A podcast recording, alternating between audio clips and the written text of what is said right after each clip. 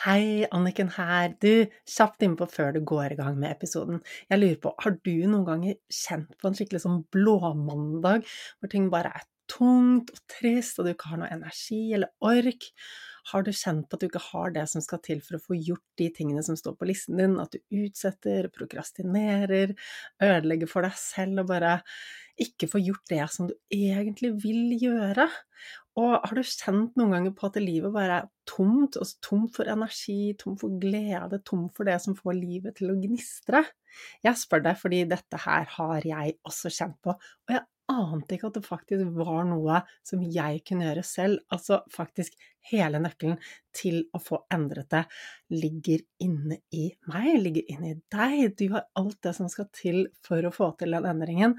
Denne kunnskapen finnes ikke ute i samfunnet. Burde vært pensum? Ja, absolutt. Og da jeg lærte det jeg nå kan i mentaltrening, så var det som om bare et stort lys gikk opp for meg, og endelig falt puslespillbrikkene på plass. Og jeg fikk de verktøyene og den metoden som skal til for å nummer én bygge opp motivasjonen, energien og livsgleden, og nummer to, som kanskje er enda viktigere, få det til å vare livet ut. Ja, for det er lett å bli inspirert, men hvordan få det til å vare livet ut? Og alt det her er grunnlaget for at jeg satte meg ned og brukte et helt år av livet mitt på å skrive boken Finn din superkraft, sånn at du også skal få tilgang til de verktøyene. Og det jeg har delt i boken, er ting som ikke er i podkasten. Jeg har ikke delt det på kurset mitt, ikke på sosiale medier. Så det er helt ny kunnskap, nye verktøy og nye lydspor hvis du er en av de som har gått kurs hos meg eller fått noen av lydsporene mine fra før av. I boken får du 16 helt nye lydspor som endrer på tankesettet sitt. Så det jeg skulle fortelle deg om, var at boken nå ligger ute til forhåndssalg. Frem til 1. mai så kan du bestille den på forhåndssalg, og da får du den sendt rett hjem til postkassen din med en gang den er på lager. Og det som er ekstra, ekstra fint med at du bestiller dem på forhåndssalget, og det lærte jeg først nå, siden jeg selvpubliserer og kunne jo ingenting om hva, altså hvordan publiserer man en bok, men nå har jeg skjønt at det, å få solgt mange bøker på forhåndssalget gjør at man lettere kommer inn på boklisten, og den er visst veldig magisk, for når man er der, så er det en stor hjelp. Det gjør at boken får spredd seg til enda flere, enda flere får hørt om det. Og denne boken burde vært pensum, burde vært inne på alle skoler. Altså, hvordan hadde verden sett ut hvis alle hadde verktøykassen for å faktisk bygge opp motivasjon, drivkraft, livsglede, og bare ha det bra, få gjort det du vil, og trives med deg selv? Slippe å være passasjer til følelsene dine når følelsene svinger og du bare er tom og skjønner ikke hvorfor. Altså, denne, det er en brukermanual for hjernen som vi alle, alle burde hatt. Så hvis du tenker at øh, jeg kan også ha nytte av noen verktøy som kan holde energien min gående, holde motivasjonen gående, humøret bare rett og slett gjøre at jeg får levd et så mye kulere liv, så ligger det link til boken Finn din superkraft i episodebeskrivelsen. Det er også bare å google Anniken Binds bok, den ligger på Nordli. Og husk på at når du bestiller før 1. mai, så er du faktisk med på å bidra til at enda flere får tak i denne verdifulle kunnskapen. Så du, det var bare det jeg ville dele med deg. Håper du koser deg med episoden. Det er alltid mulig å ha det bedre og få mer ut av livet. Med riktig kunnskap og gode verktøy så kan du også ta livet ditt til neste nivå. Level Up er podkasten for deg som vil ha mer glede, mer energi, mer overskudd, motivasjon og mening, og rett og slett bare ha et bedre liv.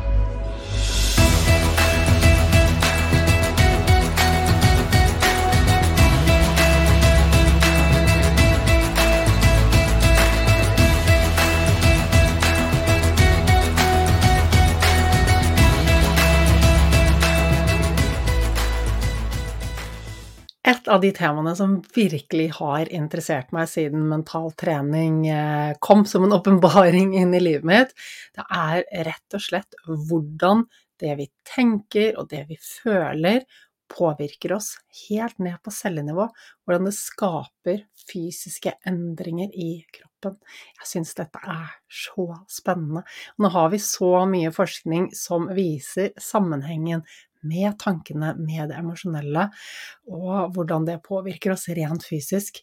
Og i dag så er jeg så heldig å ha med meg en som har en ganske tung fagbakgrunn, og nettopp på dette området, om hvordan ja, ting henger sammen i kroppen. Vi kan jo ikke lenger skille på eh, det mentale og det fysiske. Det er jo en del av samme system. Så du, denne episoden her er det bare å glede seg til. Og ja, en viktig ting også. Jeg har mange som kommer inn i eh, mitt univers som, som sliter med altså, fatigue og utmattelse, og, og, lurer på om de kan bli friske. Svaret er selvfølgelig ja, og du skal få lære mer om det i denne episoden. Så bare kos deg med fantastiske Rebekka Nøkling som deler av sin gullgruve. Velkommen til eh, Level Up, eh, Rebekka. Vet du hva, jeg har gledet meg så mye til å ha deg som gjest. Takk, det samme. Det er så gøy å være her. Du, jeg, jeg, er veldig takknemlig for at du kom inn i livet mitt. Vi har jo um, vi har hatt noen fine jobbdager i det siste, og sånn, alt det du kan, det matcher så godt med de tingene jeg jobber med, og du er en gullgruve av kunnskap. Og jeg bare elsker budskapet ditt, så, så det er jo så hovedgrunnen til at jeg ville ha deg her i dag, var bare fordi du har så mye fint å dele, som jeg vet at uh, lytterne her uh, det trenger de å få vite mer om, rett og slett. Ja, men så gøy. Og det, og det handler jo litt om at når man skal formidle mye av det jeg gjør som er forskning, så handler det om å gjøre det på en måte at folk forstår det, og, og blir engasjert og motivert til å prøve alle de fantastiske resultatene som forskningen gir oss med det jeg liker å kalle forskning som hjelper deg. Mm. Ja, Uh, du, før vi hopper inn i all den spennende forskningen som vi har på lager, uh, har du lyst til å uh, fortelle litt om deg selv og bakgrunnen din? Du har en veldig spennende historie, Rebekka, så gjerne fortell litt om bakgrunnen din. Altså, jeg er jo i bunn så jo, har jeg en medisinsk genforskningsbakgrunn og er veldig opptatt av hvordan kropp og sinn henger sammen. Altså hvordan f.eks. stress, sykdom, sorg påvirker oss helt ned på celle- og gennivå. Eh, og så jeg, eier jeg også Livslyst og motivasjon og senteret vårt, eh, hvor vi driver med coaching og jeg, parterapi, gruppeterapi én-til-én. Eh, og så er vi så heldige at vi også startet noe som heter Empower-akademiet for noen år siden, hvor vi faktisk utdanner folk i stressmestring, men også empowerment. For ofte så tror man at å stresse ned er bare å slappe av, men av og til handler det om å få energi også. Og så kan man jo lure på hvordan, liksom, hvordan ble denne miksen fra medisinsk genforskning til å jobbe med coaching og holde foredrag og skrive helseartikler. Og det er rett og slett at livet noen ganger fører deg til de rareste steder. og noen av oss også vet at livet noen ganger kan være litt urettferdig. Eh, og når jeg var tolv år, så spilte jeg basketballkamp og hadde det kjempegøy. Og så falt jeg om på banen og fikk så store magesmerter. Og så kom jeg på sykehuset, og så visste de ikke først hva det var. Eh, og så til slutt så sa de bare at ja, vet du hva, vi tar eh, blindtarmen for å være sikker på at det ikke er den. Og så, og så så skulle operasjonen komme i gang, og jeg fikk holdt på å si full narkose og, og, ble rullet inn. Men så ble jeg rullet ut igjen, for da var det en bilulykke med voksne. Eh, så jeg måtte vente fem-seks timer. Og så, når jeg endelig kom tilbake, så gikk alt like gærent. For da var det blindtarmen, og den sprakk. Og hjertet mitt stoppet faktisk i fire og et halvt minutt. Oi. men så har man jo flaks i uflaksen også, pleier vi å si, og det er jeg et levende eksempel på. Fordi den legen som da egentlig på en måte prøvde å få livet i meg, og hvor det da ikke gikk, eh, har fått fortalt i ettertid at han ropte høyt ja, men hun er jo bare et barn. Eh, og så tok han én runde til, sånn som vi ser på TV, når du får eh, hjertestarter igjen, og så kom jeg tilbake. Men da, ja, men da opplevde jeg jo eh, i mange år å ha masse infeksjon og, og si, resultatet av en operasjon. Fikk også det man kalte den gangen ufrivillig anoreksia, altså kroppen min klarte ikke å ta næring til seg.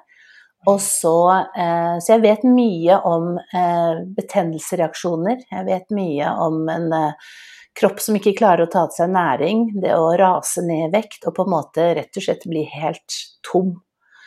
Men så hadde jeg jo flaks ved at jeg hadde min fantastiske mormor Mimmi i Berlin som kom og sa den jenta skal ikke ligge på sykehus med masse intravenøse slanger. Så, så hun tok meg med til Berlin og fòret meg opp på god, gammeldags krigskost. Fordi selv om jeg har tysk familie, så var de også blant de få som gjorde motstand mot Hitler, og de reddet mange jøder under krigen. Og etterpå, så hvis du ser bilder av konsentrasjonsleir hvor tynne folk er, så én ting hun kunne, så var det å fete opp slitne, tynne mennesker. Og da fikk jeg på en måte kraften tilbake, og så bygde hun meg opp, og underveis så lærte hun meg veldig mye om at uansett hvor sliten du er, for hun hadde jo vært flyktning under krigen, mm. hvis du får håp, så klarer du å gå ett skritt lenger. Ett mm. lite skritt til. Eh, så du skjønner at hun betydde masse for meg, både at hun på en måte reddet meg rent sånn når jeg var syk, men også mentalt det å lære seg verdien av håp. Men så opplevde jeg jo min, det jeg kaller ofte store sorg når jeg var eh, 14 år, for da fikk min kjære mormor eh, brystkreft. Og to år etterpå så opplevde jeg det jeg kaller min stillesorg, for da døde hun av brystkreft med spredning. Eh, og da vet jeg veldig mye om hvordan en sorgreaksjon kan gi deg liksom leddgikt. Jeg var 16 år, klarte nesten ikke bevege meg. Men det siste jeg lovte min kjære Mimmi, uh, det var at jeg skulle prøve å leve som en vanlig ungdom. Å være glad i livet, finne kjærligheten, reise. Så det gjorde jeg da i tre år, men jeg var blitt 19 år, så mm. sa min daværende kjæreste rett før vi skulle reise tre måneder i Sør-Amerika, så sa han 'Rebekka, hvorfor har du en kul i brystet?' Jeg bare sånn 'Nei, nei, nei, det er sånn damer har når de har mensen, lymfeknuter og sånne ting'. Han bare sånn 'Nei, dette her er ikke helt normalt'. Og så var tilfeldigvis faren hans eh, kirurg, så noen minutter etterpå så var han hjemme i stuen vår og kjente på puppen min, og så sa han nei, dette må vi sjekke, og så ringte han noen kollegaer, så plutselig fikk jeg to leger til.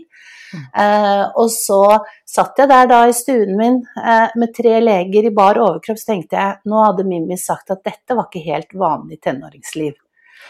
Eh, og tre dager etterpå så fikk jeg også eh, diagnosen brystkreft. Og da kan jeg love deg, dette var i 1989, da kjenner man på dødsangsten. Eh, da var ikke på en måte pasientforeningen så oppe som de er nå med å hjelpe folk. Og så tenkte jeg jeg kan jo alt om mental trening. Så kan man lure på hvorfor kunne en 19-åring alt om mental trening? Og det er rett og slett fordi faren min er jeg håper å si, magister i psykologi med spesialisering på nevrologi, alt som har med hodet å gjøre, og hjernen og sånn. Så jeg vokste jo opp i et hjemme på Smestad hvor vi snakket om hjernens oppbygning og, og liksom hvordan alt fungerte og sånne ting eh, ved middagsbordet. Og jeg trodde det var helt normalt å lese Freud når jeg var 10-11 år. Så jeg er litt sånn eh, miljøødelagt. Men det som var, var at jeg kunne jo alt om dette. Men likevel så kjente jeg på dødsangsten, og jeg fikk ikke så mye håp. Fordi det at jeg hadde hatt en forholdsvis ung mormor som hadde dødd av dette her, og, og, man ikke visste helt med behandling. Nå hadde jo jeg flaks da, med min daværende håper jeg, svigerfar, for jeg ble jo satt på nesten et eget forskningsprosjekt, så jeg fikk jo en behandling som vanlige pasienter ikke fikk. Men det jeg da fikk et intenst behov for, det var å gå inn i kroppen, i det jeg liker å kalle det indre universet, og finne ut fins det noe jeg kan mobilisere der som gir meg håp som, mm. om at jeg får lov å leve. Jeg hadde så mye jeg hadde lyst til å utrette. Eh, og den gang var jeg 19, og nå er jeg 52. Så ja, jeg fant masse håp, Anniken. Jeg fant utrolig mye håp ved at jeg rett og slett gikk opp på Universitetet i Oslo og til Forskningsparken og fant den professoren som var kjent for å ha hentet inn genteknologien til Norge, altså i forskningsverden. Så jeg overbeviste han med alt jeg kunne at jeg måtte få lov å ta hovedfag hos han, og at jeg skulle få lov å forske på ting som hadde med stress å gjøre, og hvordan vi på en måte kunne skru på ting. Og det som skjedde da, var jo at han skjønte jo at jeg kjempet min livskamp om å leve. Eh, så jeg var veldig heldig når jeg gikk hos han, for jeg, fikk, jeg ble sendt rundt ut i verden til Stanford og Harvard og Berkeley og alle steder hvor det var toppforskning. Og da kan du omtrent se for deg meg som sånn 19-åring, litt sånn gira på verden, men kjempet for livet. Og så kan du se for deg en konferanse med bare professorer og nobelprisvinnere. og en seriøs møteleder som liksom, liksom inviterte nobelprisvinner, bla, bla, bla. Så snakket han, og så spurte han er det noen som har spørsmål. Ingen turte å ha spørsmål, for dette var jo sånn vidunder av en forsker. Og jeg bare jo, forresten, jeg har et spørsmål. For jeg var ikke redd for å stille spørsmål. Det jeg måtte lære meg alt for å overleve. Så etter hvert så ble jeg hun lille rare maskoten vet du, som alle visste. Så det var nesten at møtelen sa ja, ok, ingen spørsmål, Rebekka, da regner jeg med at du har det. Så de på en måte alle hjalp meg, altså alle forskerne og professorene og nobelprisen hjalp meg med kunnskap som gjorde at jeg etter hvert fikk eh, teknikker og øvelser, for jeg oversatte på en måte forskningsresultater til øvelser, og også i samarbeid med faren min. Så lagde jeg mine egne livsmestringsverktøy, som etter hvert ble en coachingmetode hvor faren min og jeg samarbeidet, han med psykologi og nevrologi, jeg med alt det medisinske. Og så puttet vi det sammen og lagde på en måte vår coaching, og det er det vi også har i Empower-akademiet. Og så, etter at jeg hadde reddet meg selv, så fant jeg ut at det er jo masse mennesker der ute som trenger det. Uh, og jeg brenner litt ekstra for kreftpasienter, men også andre de jeg liker å kalle usynlige hverdagshelter og heltinner. Og så har jeg fått arvet alle idrettsfolk og toppfolk og ledere av faren min, for han er pensjonert nå og dyrker bare grønnkål i hagen sin i Ankerveien. Så, så, jeg pleier å si har du én hjerne og en celle, så kan jeg lære deg interessante metoder og verktøy. Åh, vet du hva, det, det, her satt jeg med tårer i øynene. Det er Jeg bare ser for meg liksom tolvåringen og bestemoren din, og det er en sterk historie, Rebekka. Det er det. Ja. Og sånn er jo livet av og til. Jeg er sikker på at mange av de som ser og lytter på oss nå, de har opplevd sine egne ting i livet. Og det som ofte er vanskelig når du mister kontrollen, enten det er sykdom, eller det er stress, eller relasjonsstress, eller traumer, eller familieforhold, eller krigssituasjoner, det er det der at du kan miste kontrollen, men sånn som mormoren min sa, finner du noe håp, så klarer du ett skritt til, og så tar du mm. neste. Så jeg pleier å si det er lov å skynde seg sakte hvis du har det vanskelig, og så er det lov å bruke forskning som hjelper deg til litt sånne triks. Du må ikke være toppidrettsøver og være i Olympiatoppen for å få det. Jeg mener at dette må vi gi alle mennesker som trenger det. Enten du er kreftpasient som skal komme tilbake, eller du er en toppidrettsøver som kanskje har skadet deg og skal tilbake og vinne gullmedaljen. Ja, så enig. Der, eh, og der deler vi vår, vår mission med å få denne kunnskapen eh, ut til folk, fordi at eh, når vi sitter på så mye gull, hvorfor skal vi sitte på det og ikke hjelpe alle de som trenger det? For det er så mange der som trenger hjelp. Ja. og når du snakker om bestemoren din, hun høres ut som en veldig klok bestemor. ja, hun er på en måte mitt store forbilde, og jeg snakker så mye om henne, så jentene mine som nå er 24 og 26 år, de, de tror de har møtt henne. Altså, mm. Så jeg har veldig mye tro på at uh, de som på en måte ikke er her blant oss på jorda, vi kan, vi kan, huske visdommen, vi kan huske energien. Og det beste av alt, som medisinsk genforsker, jeg har jo genene hennes inni meg. Det er sant. Og vi kvinner, vi er jo ekstra heldige fordi alle cellene våre har noe som heter mitokondrier, og de er liksom cellens kraftverk. Og alle mennesker på jorda, Anniken, arver alltid cellens kraftverk, mitokondrier, fra mammaene sine. Mm. Fordi gutta har det ikke, fordi de har ikke plass i sin lille sædcelle, så mitokondrien er eggcellen. Så jeg føler liksom Vi sier alltid det i vår familie, for vi er veldig sånn stolte av å være, ha kvinnekraft, at ja, mine mitokondrier har jeg fått av moren min, som fikk det av sin mor, altså min mormor. Så hun er på en måte med på alt jeg gjør allikevel. Åh, så fint. Og det, det, du sier da at hun, hun, snakket om håp, da har du håp, så mm. kan du ta et skritt videre. Og det, det er jo på en måte Altså, det er så, det er sånn, så viktig. Det er så det, Altså, uten håp, hva har man da? Ikke sant? Det er liksom det viktigste. Har man håp, har man tro? Og jeg fikk, eh, måtte også tenke på boken til Viktor Frankel, du har sikkert lest, uh, lest den. Uh, 'Man's Search for Meaning'. Og det handler om da livet fra konsentrasjonsleirene, og hvordan han så at de som hadde Um, noe som ga de mening i livet, så, som mm. ga de håp om at det var noe de kunne utrette, noe de kunne gjøre. At de ja. i større grad uh, overlevde konsentrasjonsleirene.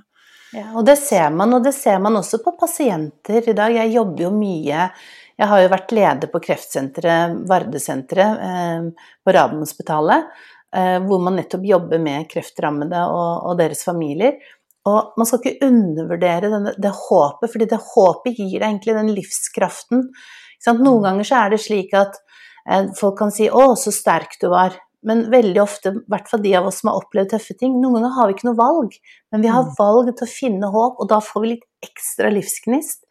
Eh, og det, det, er fantastisk hva, hva, det gjør i forhold til at man får eh, positive resultater.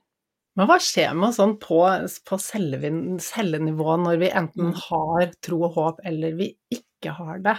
Ja, så du kan si når vi ikke, altså ofte når vi får stress og sykdom og sorg, så for å gi et bilde av det eh, Det som skjer med oss da ned på celle- og gennivå, det er at hvis, eh, hvis, jeg hadde invitert deg til å være med i en badstue, Anniken, og så hadde du tenkt ja, ja, det er jo hyggelig, nå har Rebekka og jeg begynt å samarbeide, da kan vi ta en liten badstue.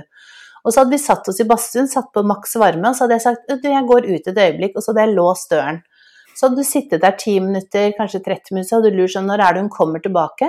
Og så hadde jeg bare liksom banket på og så bare sagt gjennom liksom glassdøren så hadde jeg sagt Du, jeg kommer først i morgen klokken tolv og henter deg. Da hadde du fått panikk fordi du hadde tenkt dette tåler jeg ikke. Og cellene dine hadde fått panikk. Eh, og det er det Så kraftig reaksjon får vi av stress og sorg, altså langvarig stress. Nå snakker vi ikke om det positive stresset, men vi snakker om langvarig kronisk stress. Mm. Eh, og det som da gjør at vi ikke dør, det er faktisk at vi har noen fantastiske gener som heter heatshock-gener, eller sjaperongener, som lager noe som heter da heatshock-proteiner, eller chaperonproteiner. Og chaperoner, det er det franske ordet for anstandsdame, ikke sant. Hun ble brukt hvis du hadde en, en, vakker ung kvinne som skulle møte en mann, så var hun til stede for å sørge at ikke det ble noe, skjedde noe som ikke skulle skje. Og da bare booster alle cellene masse sjaperoner. Så vi kan se for deg heller alle cellene har masse sånne små kysesjaperoner. Og så kommer de og holder alt på plass, som holder på å kollapse, som ville gjort at vi døde. Og når faren er over, når det verste stresset er over, når verste sorgen er over, så trekker de seg tilbake, og så kan cellen fortsette. Så vi mm. har fantastiske sånne mekanismer at når vi på en måte opplever noe som man tenker sånn Hvordan er det mulig å overleve? Eh, så klarer vi det likevel. På samme måte som hvis vi er i en, en eh, bilulykke, så kan man høre om moren klarte å løfte bilen for å redde barna. Da snakker vi egentlig om den positive siden av en stressrespons. Da snakker vi om at du får adrenalin som gjør at du ikke føler smerte som jeg pleier å kalle vikingproduktet genet. Vi får stresshormon som får pumpe musklene, så det er en positiv måte å bruke stressresponsen. Men så har vi jo masse gener som vi kan skru av og på. Noen skrur vi på for å dempe betennelse, noen skrur vi på for å få litt ekstra kjønnshormoner, sånn at veldig mange tror f.eks. at testosteron er bare mannehormonet. Men du og jeg som kvinner, og alle kvinner som hører på, og for så vidt alle mennene, vi trenger testosteron, ja, for å kjenne lyst og på en måte bli romantiske, men vi trenger det også for å ha selvtillit og humor. Så sånn sett, når vi skrur av og på gener, det kaller vi jo fagspråket for epigenetikk. Det betyr at noe utenfra påvirker hvilke gener som får lov å skru seg av, og hvilke som skrur seg på. Eh, og når et gen skrur seg på, så betyr det egentlig Så Tenk deg liksom at vi, har, vi vet i dag, forskerne vet at vi har ca. 40 000 gener. Det er ganske mange. Og de er da på denne fine DNA-tråden som alle har sett, som sånn dobbel helix, ikke sant. Men den er jo på en måte så lang, den tråden, at den må vi oppbevare i noen bokser, så at det ikke blir liksom knute på tråden.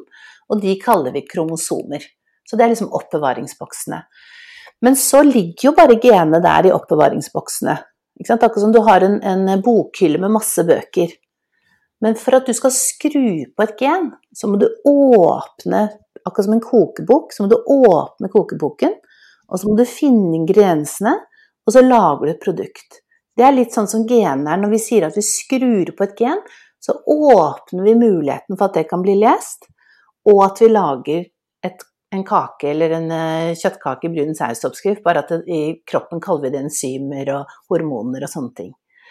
Så alle har masse gener, men genene er ikke Alle genene er ikke på. Tenk deg, vi har hår, vi har hud, vi har blod. Alt, alle de hårcellene, blodcellene, nervecellene har jo samme DNA. Men det at de ser forskjellige ut, det er at det er forskjellige gener som er skrudd på i forskjellige gener, så at det blir forskjellige produkter. Mm. Det var en veldig fin forklaring, Rebekka, som jeg tror hjelper folk til å, til å, forstå dette med epigenetikk.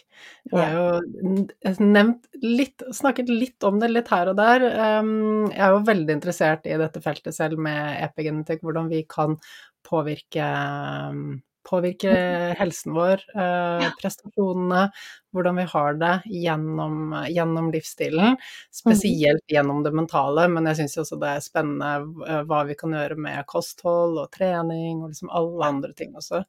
Ja. Um, og det, da snakker man ofte om det indre og det ytre miljøet. Og man vet jo f.eks. at eh, allerede det du opplever når du ligger i mamma sin mage, ikke sant Altså, vi, burde jo, vi, burde jo, ha et eget program for alle gravide kvinner og passe på at de har det bra.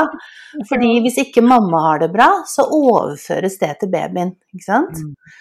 Eh, og på samme måte så er det som du sier, det er næring, det er om du røyker eller ikke, det er miljøgifter, eh, det er trening.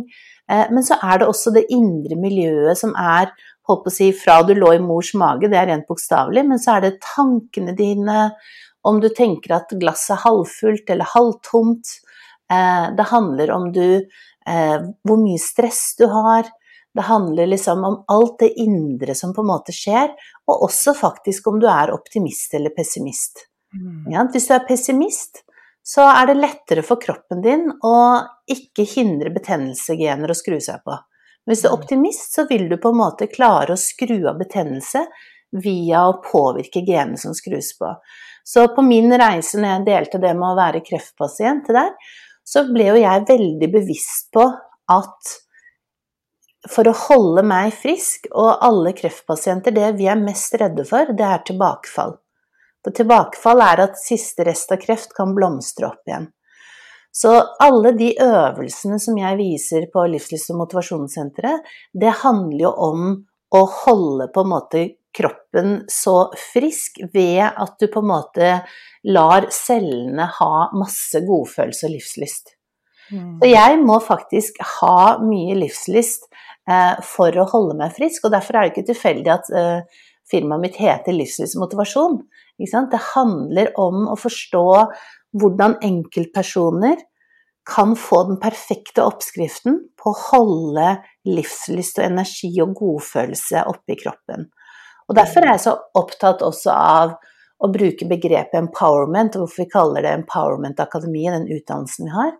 Det er at det å holde seg frisk, det å holde stresset borte, handler også om å slippe til alle de genene og genproduktene, hormoner, som gjør at vi får energi, at vi tør å være forelsket, at vi tør å være optimister. Det er faktisk en oppskrift på å holde seg frisk. Og selvfølgelig hjelper det ikke bare kreftpasienter som meg, det hjelper jo alle som har lyst til å ha det bedre i livet. Mm, og det er så undervurdert, og jeg skulle ønske at dette her var noe som vi lærte på skolen, at det var mer mm. oppe i, eh, i samfunnets eh, dialog. Eh, mm. Så vi har jo en oppgave å gjøre, Rebekka, med å dele det. Og så er det jo ikke sant Ja, og de som da er kreftpasienter, hvor mye får de lære om dette her? Du, du får jo ikke noe kunnskap om det på legekontoret, ikke sant? Nei. Uh, så, altså, man, men... har jo, man, har jo, prøvd sånn som med de Varde-sentrene som startet på Radiumhospitalet, og som er på flere sykehus, hvor man prøver å ha ulike varianter. Men jeg skal jo innrømme at til og med når jeg var eh, senterleder der, så, så eh, var det f.eks. når vi skulle ha qigong, det var noen som ville ha qigong for for kreftpasienter som eh, ikke fikk mer behandling, men bare palliativt, fordi de, de var kommet så langt i kreft. Og da var det jo noen, jeg, la oss kalle det de gamle klassiske legene, som sa nei, dette er for alternativ å drive med qigong. Og da måtte jeg dokumentere via mine professorvenner eh, med dokumentasjon, komme helt opp på styrenivå og si forskningsresultatene viser at du får denne effekten av å gjøre qigong. Eh, og da ble det godkjent. Så du kan si, i tillegg til at jeg på en måte har lagd masse verktøy og coachingmetode og sånne ting, så elsker jeg jo å være broen mellom Østens visdom og vestlig genteknologi eller medisin. For det er så mye fantastisk i øvelser som er blitt tatt vare på i 5000-6000 år. Og når vi da putter på hjerneelektroder, tar blodprøver, sjekker hva som skjer med genene, så ser vi jo at her er det en gullgruve av teknikker. I tillegg så vil jeg si at hvis man f.eks. man tenker på Østens visdom, så tenker man ofte på yoga og meditasjon. Men det som også er viktig, er at forskere sånn som meg, og som liker å lage broer mellom Østen og Vesten, vi kan også bli inspirert av en øvelse fra Østen, og så lage en helt ny vestlig teknikk. Eh, pustetakt som på en måte kanskje stimulerer sånn som det man kaller vagusnerve enda mer enn hvis du gjør akkurat som i Østen. Så vi får lov å liksom både ta medisinsk kunnskap fra vår vestlige verden, og så kan vi kombinere det med indisk og kinesisk medisin, og så lager vi noe helt nytt. Samtidig så vil jeg jo minne folk på at vår vestlige medisin stammer jo veldig mye fra indisk og kinesisk medisin. For når vi holdt på med vikinger og ting og tang, så var de ganske mer avanserte i andre deler av verden når det gjaldt medisin. Ja, det er sant. ja. Så, så, du kan si det er ikke sånn at vi bare må gjøre det på den gamle Østens visdom, men vi, vi får vanvittig mye eh, kunnskap. For det er klart at når du tar vare på en øvelse som skal f.eks. hjelpe mot hodepine, og de har tatt vare på den i 5000 år, så, så, så, er det noe inni der.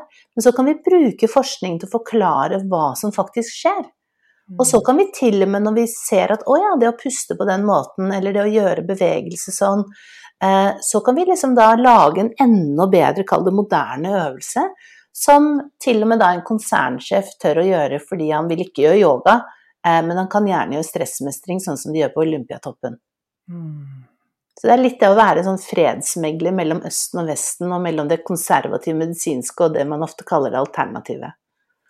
Det gjør du en veldig god jobb med, Rebekka. Det er hyggelig. og jeg elsker at du har dukket opp i livet mitt, og at vi jobber med spennende prosjekter sammen, fordi jeg, jeg er så enig i det. Og det er lett Ja, jeg holdt på med yoga i, i, siden tidlig i 20-årene. Du, du, jobber også med yoga, har drevet på med det, jeg mm. har liksom dykket inn i disse teknikkene. Og som du sier, så er det mye skepsis. Jeg får ofte litt sånn meldinger sånn Å nei, jeg kan ikke være med på kurset ditt fordi eh, det, det, det, er noe religion, det religiøse ja. greier, og, og sånn. Nei, dette her er ikke noe religiøse greier, dette er forskningsbasert. Men det er fortsatt veldig mye altså, skepsis rundt omkring, da. Eh, men det er så deilig å ha deg som bare, vet du hva, her er det svart på hvitt. Dette her har vi tallene på, det funker. Ja. Og så er det veldig mye spennende, for du kan si etter at håper jeg, internasjonal forskning i det fagmiljøet som jeg kommer fra, begynte å snu blikket til Østen eh, og på en måte lytte til Ok, hva har dere øvelser som hjelper mot hodepine, hva har dere som hjelper mot magesmerter? Det er ikke tilfeldig hvilke yogaøvelser man forsker på.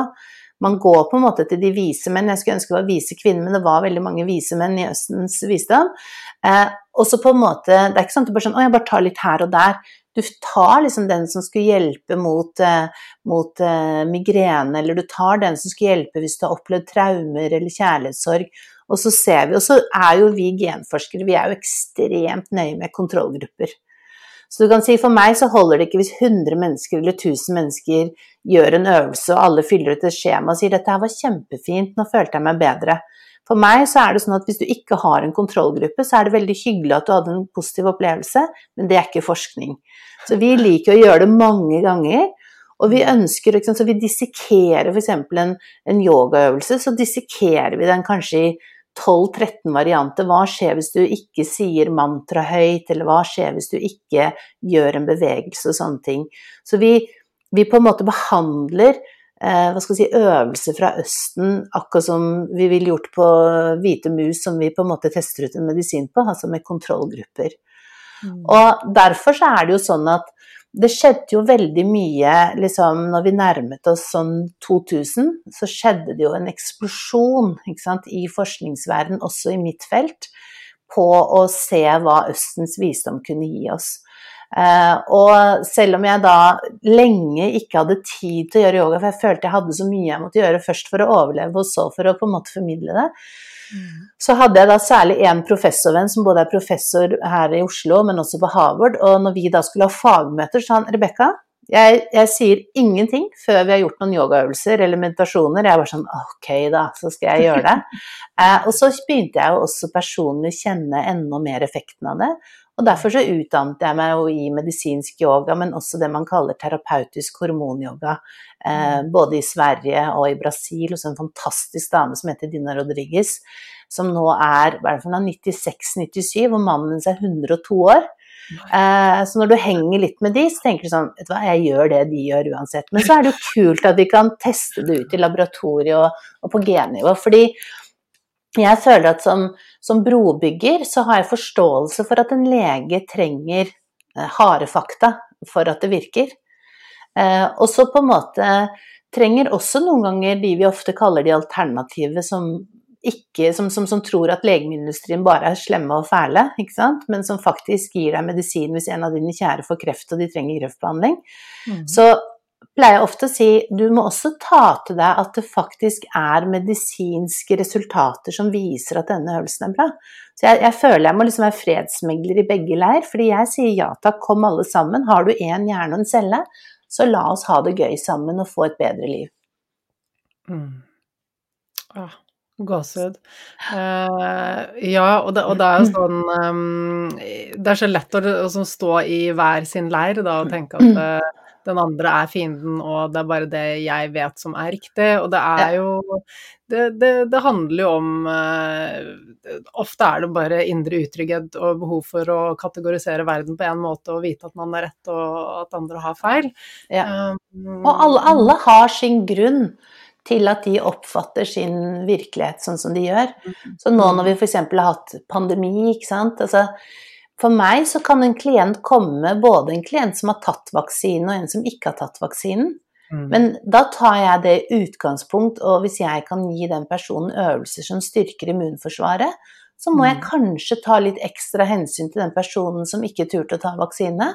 For da mm. trenger de å styrke immunsystemet litt mer.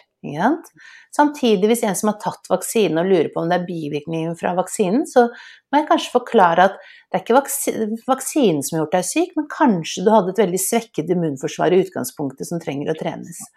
Så jeg er veldig sånn Jeg er glad i alle mennesker, jeg, Anniken. så det er noe med å ha respekt, vise respekt uansett hvem det er, og vise dem respekt. Og ut ifra det skreddersy på en måte en pakke som kan hjelpe dem i deres liv. Mm. Men også noen ganger holde det i hånden og si vi er et team.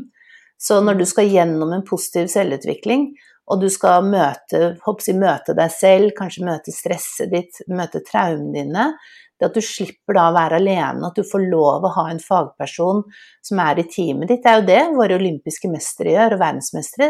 Altså jeg følger jo, jeg er jo med i alle skiløyper og håndballkamper og sånn, og, og, forbereder meg like mye som jeg hjelper en kreftpasient å komme videre i, i kreftbehandlingen. Så det å være to, det gjør ofte ting veldig mye lettere ja, enn å være alene.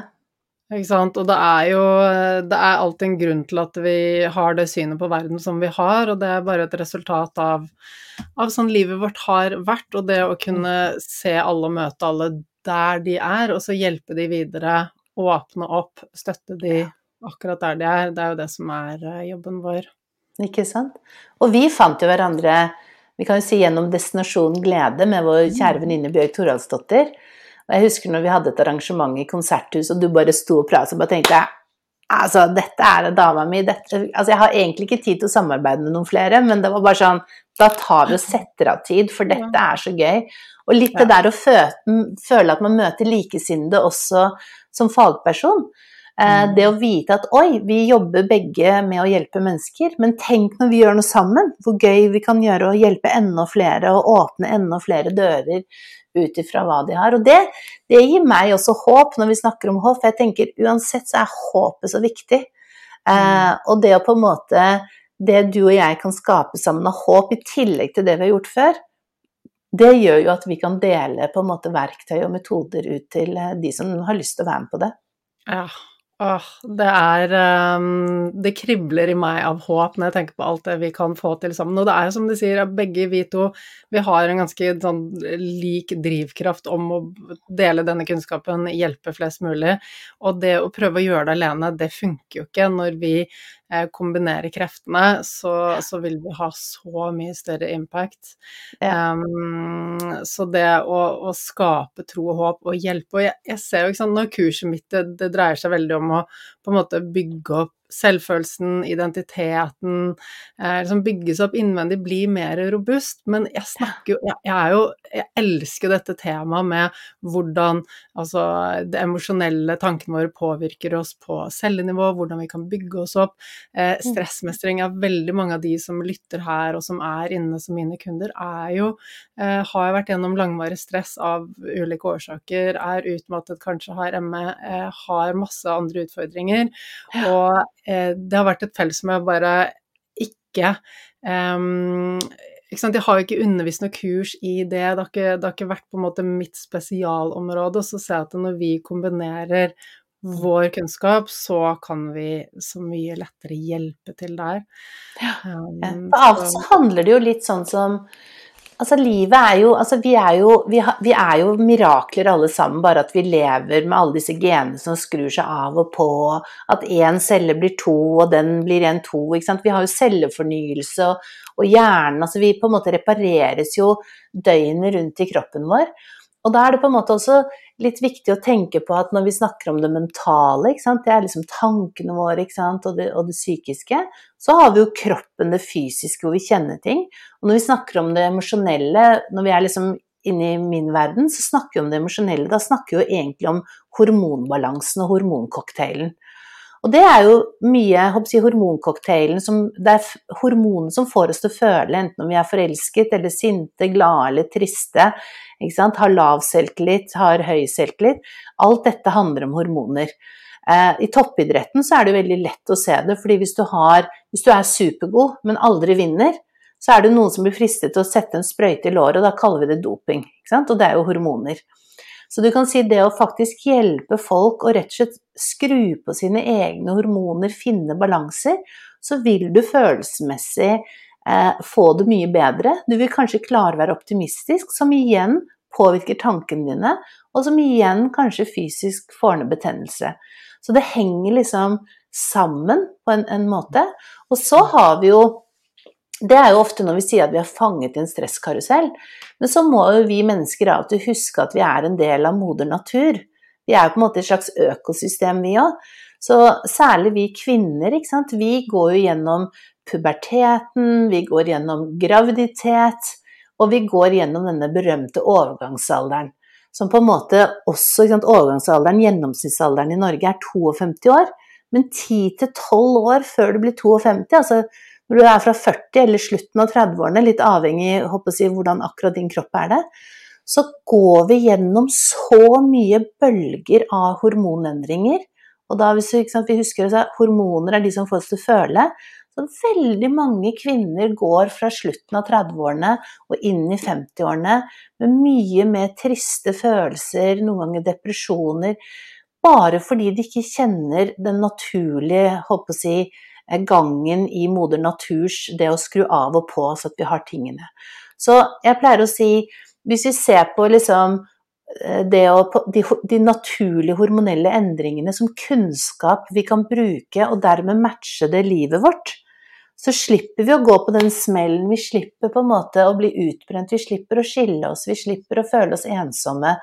Hvis vi vet 'Å ja, jeg føler meg såpass deppa'. Mange vet f.eks. ikke at når du begynner å komme inn noe som heter perimenopausen, det er jo så vanskelig ord, men det er egentlig liksom rett før du begynner i overgangsalderen, så får du De fleste av oss har jo i mer eller mindre grad kjent på det man kaller PMS, ikke sant, altså dagene før du får mensen, at vi blir litt sånn Vi craver ting, vi blir litt humør, verden raser sammen, ikke sant. Vi blir litt mer sånn deppa og sinte eller triste.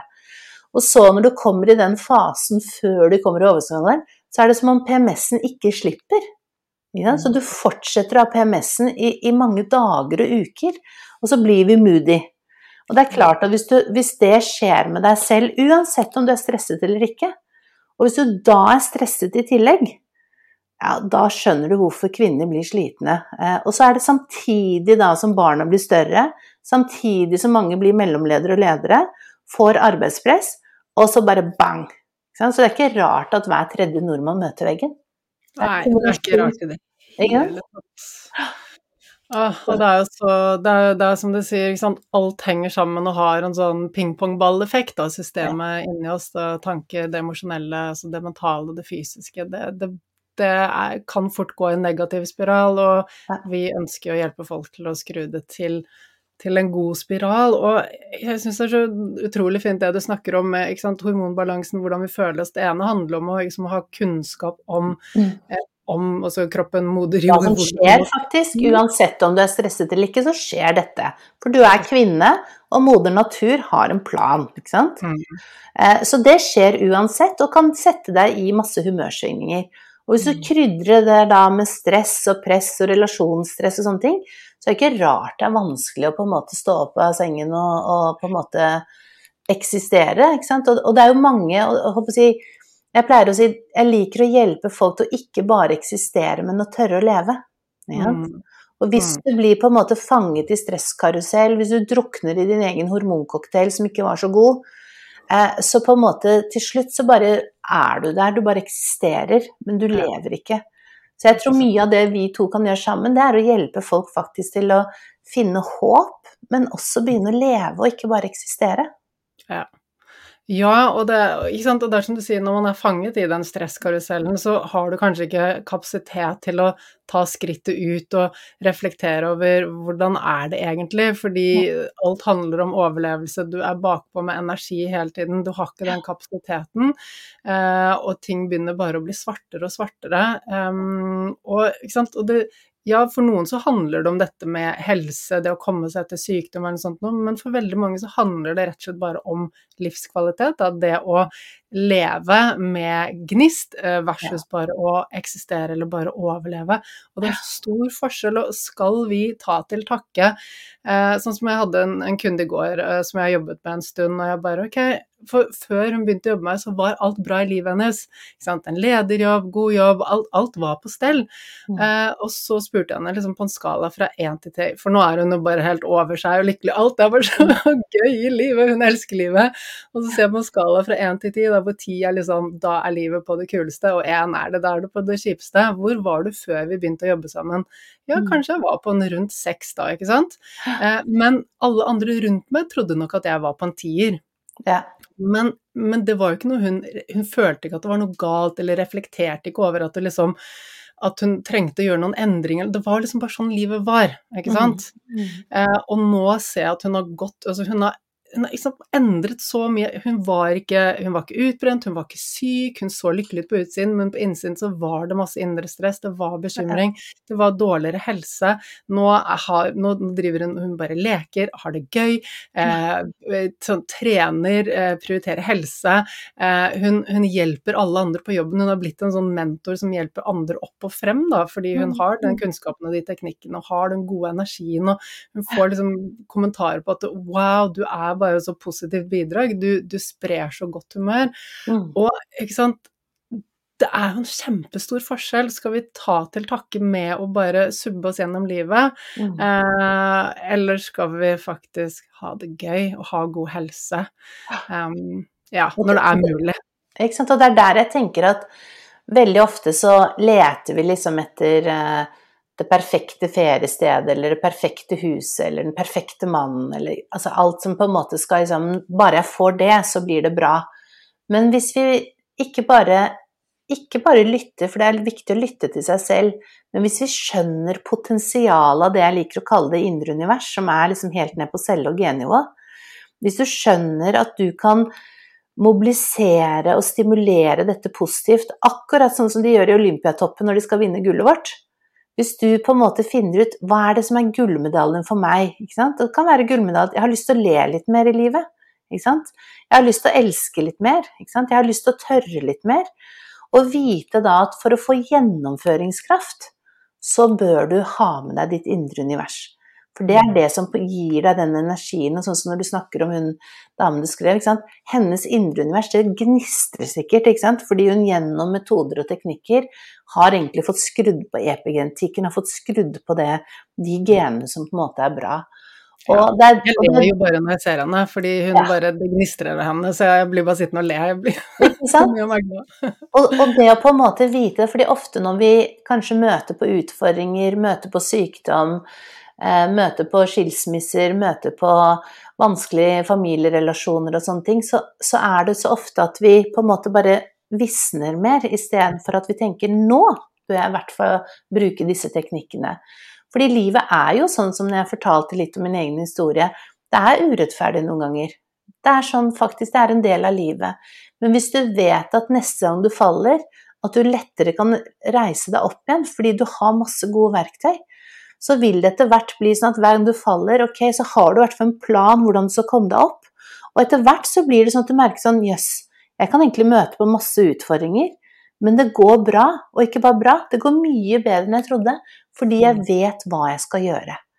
Og jeg pleier å si på senteret vårt så sier vi at det holder ikke alltid bare å sette et mål. For hvis du er her og du setter et mål, hvis du da ikke har en gjennomføringsplan, så vil det målet etter hvert bli et ønske. Og jo lengre det ønsket og der hvor du er, er, er, jo vanskeligere har du det i livet.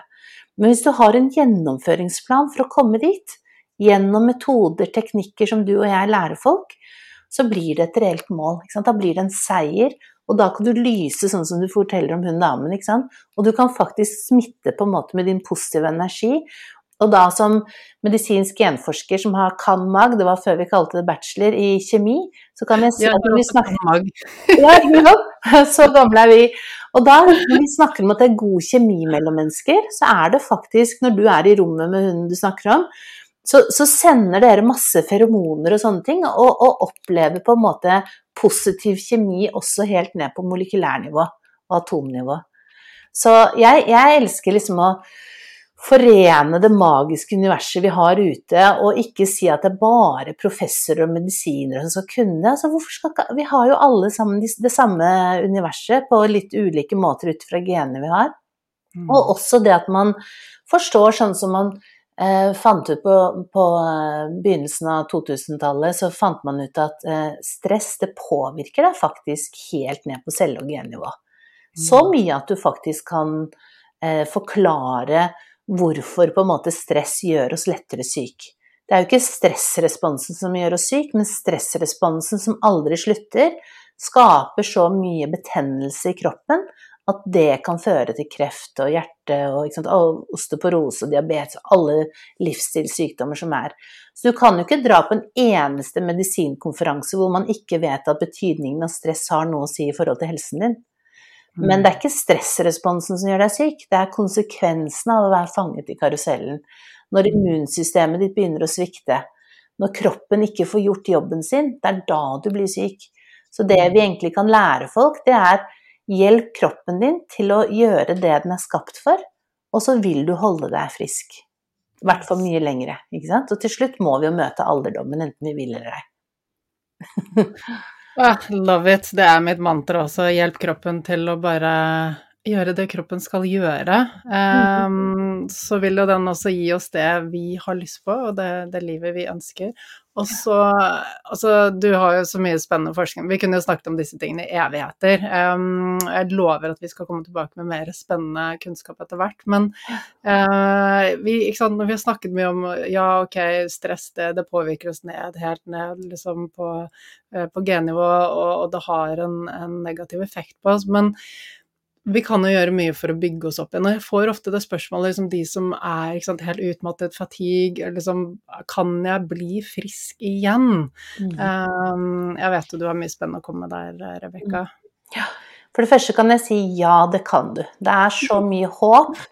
Eh, og så er det noen ganger også viktig å gjøre det på riktig måte. Ikke sant? Mm. Det som kanskje er utfordringen når vi si, lever i den tiden vi lever nå, er at du finner så mye informasjon ute på nettet.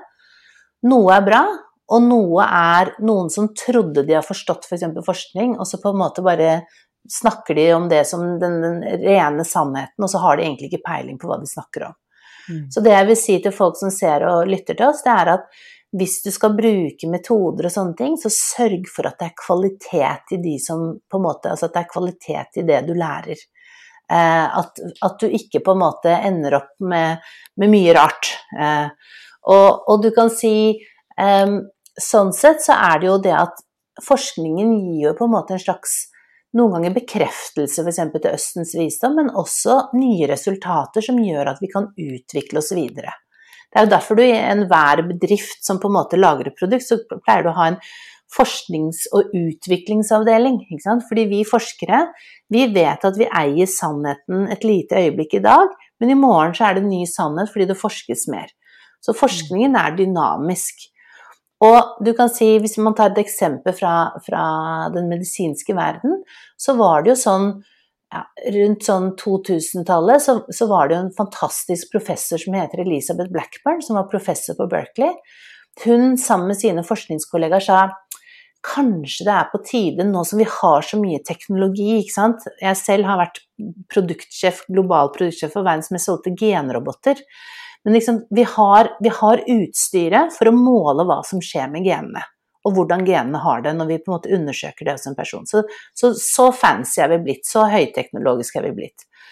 Men så sa Elisabeth Blackburn så sa hun, men vi må få folk til å skjønne at stress påvirker oss ned på gennivå, og vi må finne ut hvor det faktisk påvirker oss. Og det hun gjorde da sammen med flere forskere, det var at hun kom frem til at uansett hvilket land du lever i, uansett hvilken kultur, så vil alle forstå at hvis du er mor til et sykt barn, som er alvorlig syk, det vi kaller kronisk syk, altså blir ikke frisk igjen, men likevel ikke dør, så betyr det at du får en enorm omsorgsrolle for det barnet. Og du blir fysisk sliten av å bære det og vaske det og passe på det, og du blir psykisk sliten og emosjonelt fordi du har så lyst til å hjelpe barnet. Du skulle gjerne ønske at du kunne gått i stedet inn i rollen til barnet, men du må passe på dette syke barnet. Så det fant man ut at alle liksom eh, skjønte at det er stressende å være den mammaen. Og så tok hun, sånn som jeg sa, vi genforskere, tok hun en kontrollgruppe med mødre til barn som på en måte var i samme alder, men som ikke var syke. Og så tok de rett og slett bare masse blodprøver og celleprøver og genprøver uten at de visste hva de så etter. Fins det en eller annen forskjell på genmaterialet hos de slitne mammaene kontra de som hadde friske barn? Og det man da kom fram til, det var at man så en endring i noe som heter telomerer. Og telomerene, I sted så snakket vi om at vi har 40 000 gener i hver celle, og de er pakket inn i 23 bokser men som faktisk da moder natur har lagd en kopi av, så vi har 23 kromosompar. Og så telomerene. Jeg har her en sånn skolisse som jeg pleier å, å vise folk. Du ser her en skolisse med sånne tupper. Hvorfor i all verden har vi de tuppene? Jo, de tuppene har vi, for hvis vi ikke hadde det, så hadde hele skolissen revnet. Og hvis vi tenker på ett kromosom, som da inneholder kanskje 1000 gener, og så neste inneholder 2000 gener. De har alltid på enden av kromosomet, som egentlig ser ut som en sånn pølse, sånne plastikktupper. Eller det er ikke plastikktupper i cellen, det er da telomerer. Og det man så, var at mammaene til de syke barna de fikk veldig mye kortere telomerer. Og hvis de blir så korte at de blir borte, så rufser det opp, og så, og så dør vi. Så du kan si telomerene er en del av naturlig alderdom. Når vi blir født som babyer, så har vi lange telomerer. Og når vi er liksom 95 år og kanskje snart skal takke for oss, så blir de kortere. Men det man da så, var at disse mammaene som på en måte opplever mye stress, de hadde mye kortere telomer enn de egentlig skulle hatt i den aldersgruppen.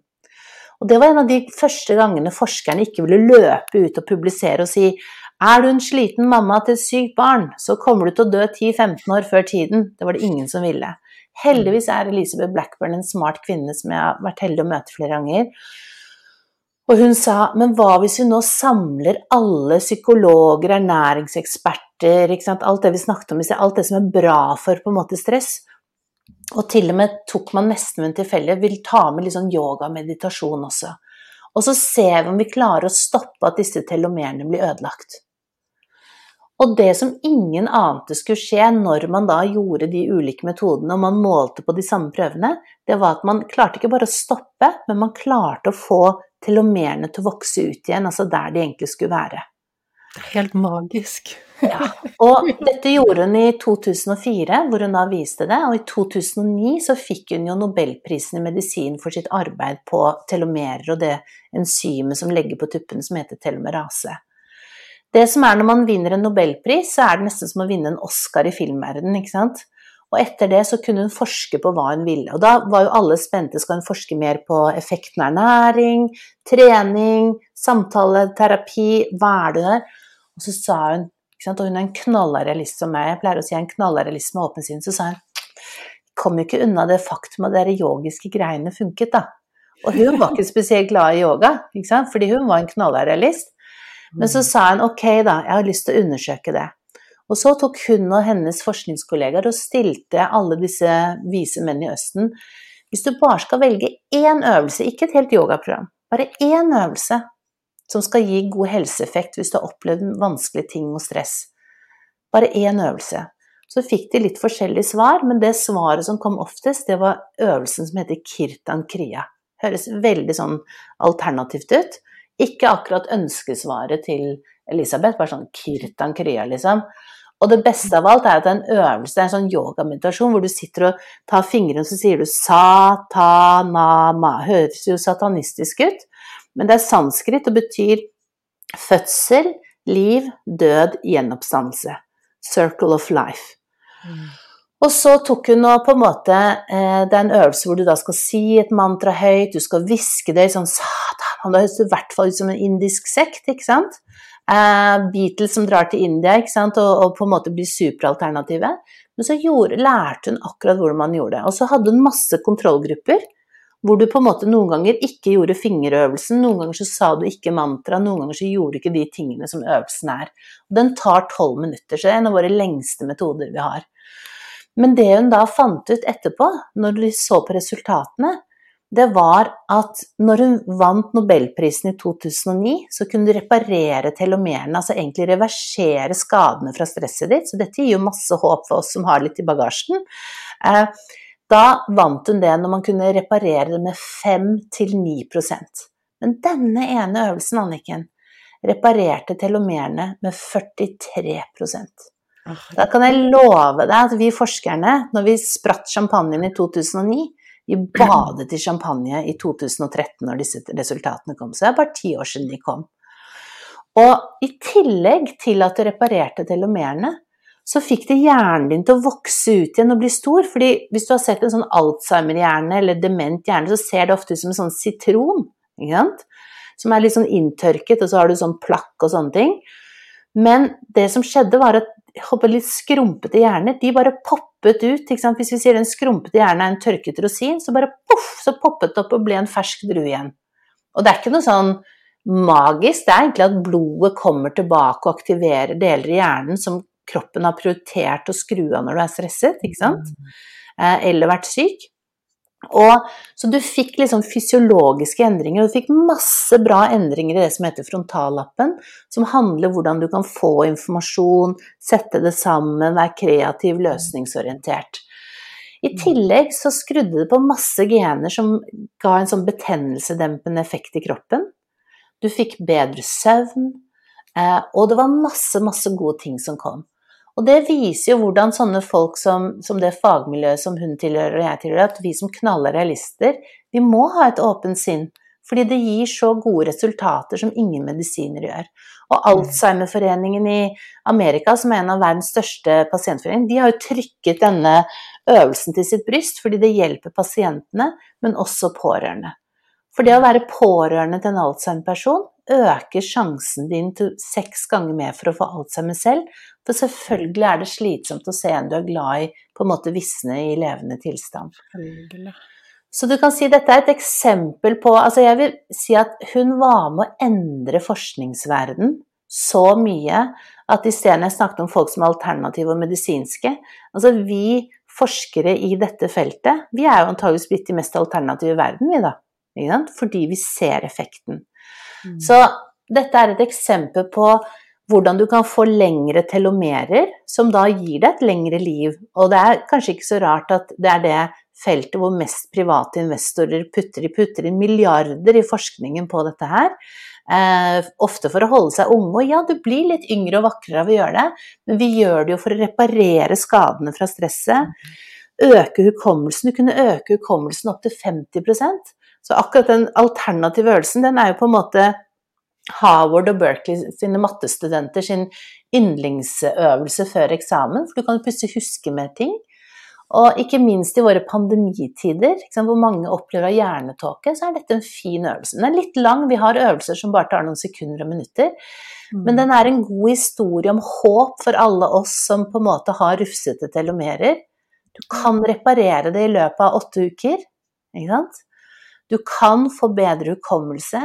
Du kan på en måte eh, få håpet tilbake at uansett hva du har vært gjennom, så kan det gå veldig, veldig mye bedre hvis du tør å bruke noen av disse øvelsene. Det er så fantastisk. Og jeg tror egentlig at vi alle har litt rufsete telomerer, Rebekka. Selvfølgelig, selvfølgelig har vi det. Og det er også litt viktig at uansett om folk hører på oss nå, eller om de blir med videre på alt det morsomme vi skal samarbeide om, at vi snakker aldri om noe som høres skummelt ut, hvis ikke vi har løsningen. Mm. Mm. Ah, eh, og, men eh, sånn eh, før vi runder av her, eh, dette er jo så spennende, eh, og, og Kirtan Kriya har jo da altså, mye bedre effekt enn mange andre øvelser. Mm. Um, og henger det da sammen med på en måte at du aktivt beveger fingrene, du har en visualisering du gjør, du sier ting, så det er liksom mange mm. deler av hjernen som blir aktivert. Altså disse fingerpunktene er jo kjente akupunktur, da er vi på en måte litt sånn i, i kinesisk eh, medisinverden.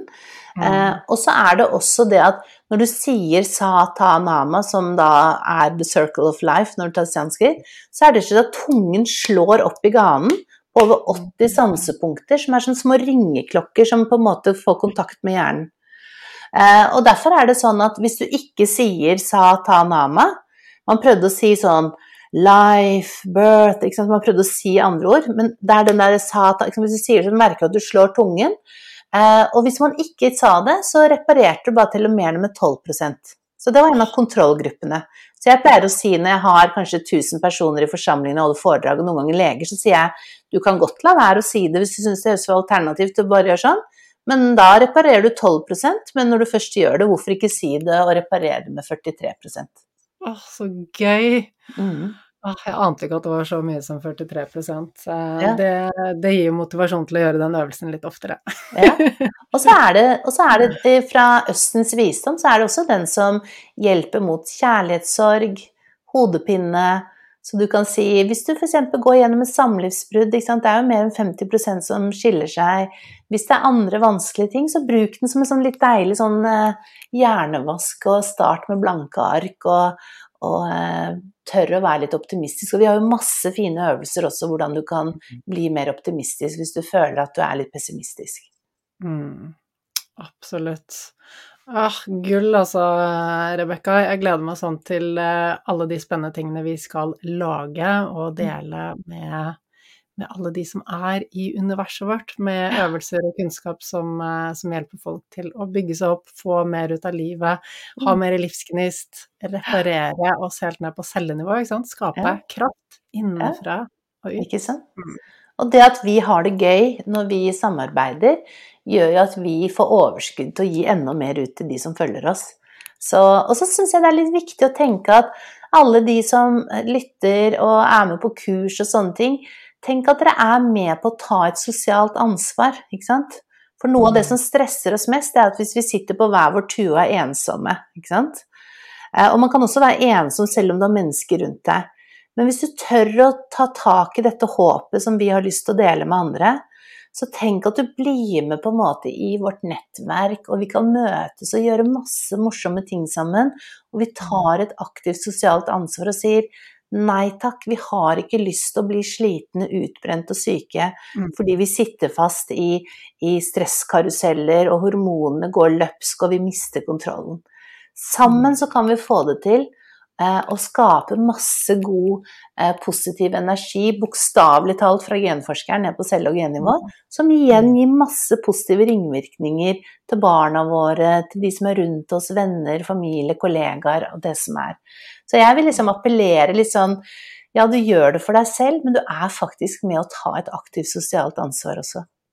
Ja, å gud, det var veldig fint. Eh, for det er jo litt sånn, ok, samfunnet vårt eh, går jo i en utvikling som er eh, som er ganske belastende fordi det er så vekt på prestasjoner, ting skal gå raskt, vi er så pålogget hele tiden. Og hvis ikke vi setter ned foten og begynner å uh, stille krav og si at ok, nei, men jeg logger meg av nå, jeg tar fri, jeg tar vare på meg selv, jeg tar en avspenning i lunsjen Hvis ikke vi gjør det, hvem er det som skal stoppe det godstoget da, ikke sant? Ja, ikke sant? Og vi gir mm. det videre til barna våre. Og du kan si, Jeg husker eh, Elise, min yngste, som er profesjonell ballerina i Nasjonalballetten, når hun var ti år, og hun skjønte at jeg fikk klienter hjem, så, og så sa mamma, hva gjør de inne hos deg på kontoret hos deg? Så jeg lærer dem øvelser. Og de bare sånn, hva? Har ikke mammaen og pappaene deres lært dem det? Så sier jeg det er ikke alle som har lært det av mammaen og pappaen sin. Så la oss gjøre det som en naturlig Mine jenter er det jeg vil kalle det perfekte genforsøket, som viser at du kan lære folk stressmestringsverktøy uten at du trenger å være syk, men som en del av det å tørre å møte verden der ute, få energi, ha selvtillit. Så vi trenger ikke å gjøre det så mystisk, vi trenger ikke å gjøre det så medisinsk vanskelig. Vi gjør det rett og slett på vår måte, Anniken. Vi, vi, deler det, og vi formidler det til deg som hører på og ser på, helt til du forstår det. Ja? Og det er ingen dumme spørsmål som kan komme. Vi skal love å lære deg det på en måte og med ordbruk som gjør at du kan faktisk la det være en naturlig del av livet ditt. Mm, ja, så, så, viktig det å gjøre, gjøre dette tilgjengelig, Rebekka. Ja. Jeg gleder meg sånn til alt det spennende som ligger foran oss. Jeg lover at uh, lytterne her inne skal få høre mer til all den, uh, den gullgruven som du har inni deg. Men, og din gullgruve også.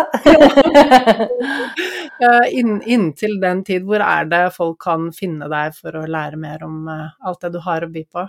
De kan gå inn på eh, livslyssenteret.no. Det er livslys- og motivasjonssenteret vårt. Så det er rett og slett bare å huske livslyssenteret.no. Hvis du vil lese litt sånn artikler rundt dette, og f.eks. få detaljene i Kirtan Krya som har snakket om, så kan du gå inn på magasinet vårt som heter Livslysmagasinet, og der er um, adressen livslysmagasinet.net altså fordi det er nettavis. Så der kan du ha det. Og skulle du ønske og ha lyst til å jobbe med dette her og ta utdannelse, som vi på en måte får Vi er en del av Studieforbundet som ligger rett under Kunnskapsdepartementet. Så kan du gå inn på empoweracademy.org, så finner du det der. Herlig. Jeg skal legge link i episodebeskrivelsen også, så det blir lett å finne. Ja. Du, tusen takk for i dag, Rebekka. Da, ja. da, er jeg full av tro og håp og glede, og eh, virkelig, virkelig gleder meg til eh, en spennende fremtid. Ja. Takk, det samme til deg. Med tro, håp, kunnskap og gode verktøy så kommer du veldig langt, og det er en av mine ambisjoner. Og om å hva skal jeg si, det er min ambisjon å dele dette med deg, og det vet jeg også er på Rebekka sin liste. Vi matcher hverandre veldig i eh, måten vi møter det mentale feltet på. Eh, Østen møter Vesten, eh, og vår mission ut til verden, hva vi har lyst til å bidra med. Vi sitter på så mye gull, og det må ut. Og jeg er evig takknemlig for at du som lytter her også deler kunnskapen videre, at du eh, viser podkasten, deler podkasten med de du kjenner, de du bryr deg om, sånn at flere også kan få øynene opp for at det er så mye vi kan gjøre for å forbe forbedre livet vårt. Ja, skal vi ligge på en sekser når vi kan ligge på en tier i forhold til hvor, hvor tilfreds vi er, hvor gøy vi har det livet, hvor glade vi er. Skal vi ligge på en sekser når vi kan ligge på en tier? Nei, jeg mener at vi alle fortjener å ligge på en tier og ha det godt. Og det er mulig. Så du, takk for at du lyttet i dag, og så gleder jeg meg til å se deg igjen neste uke.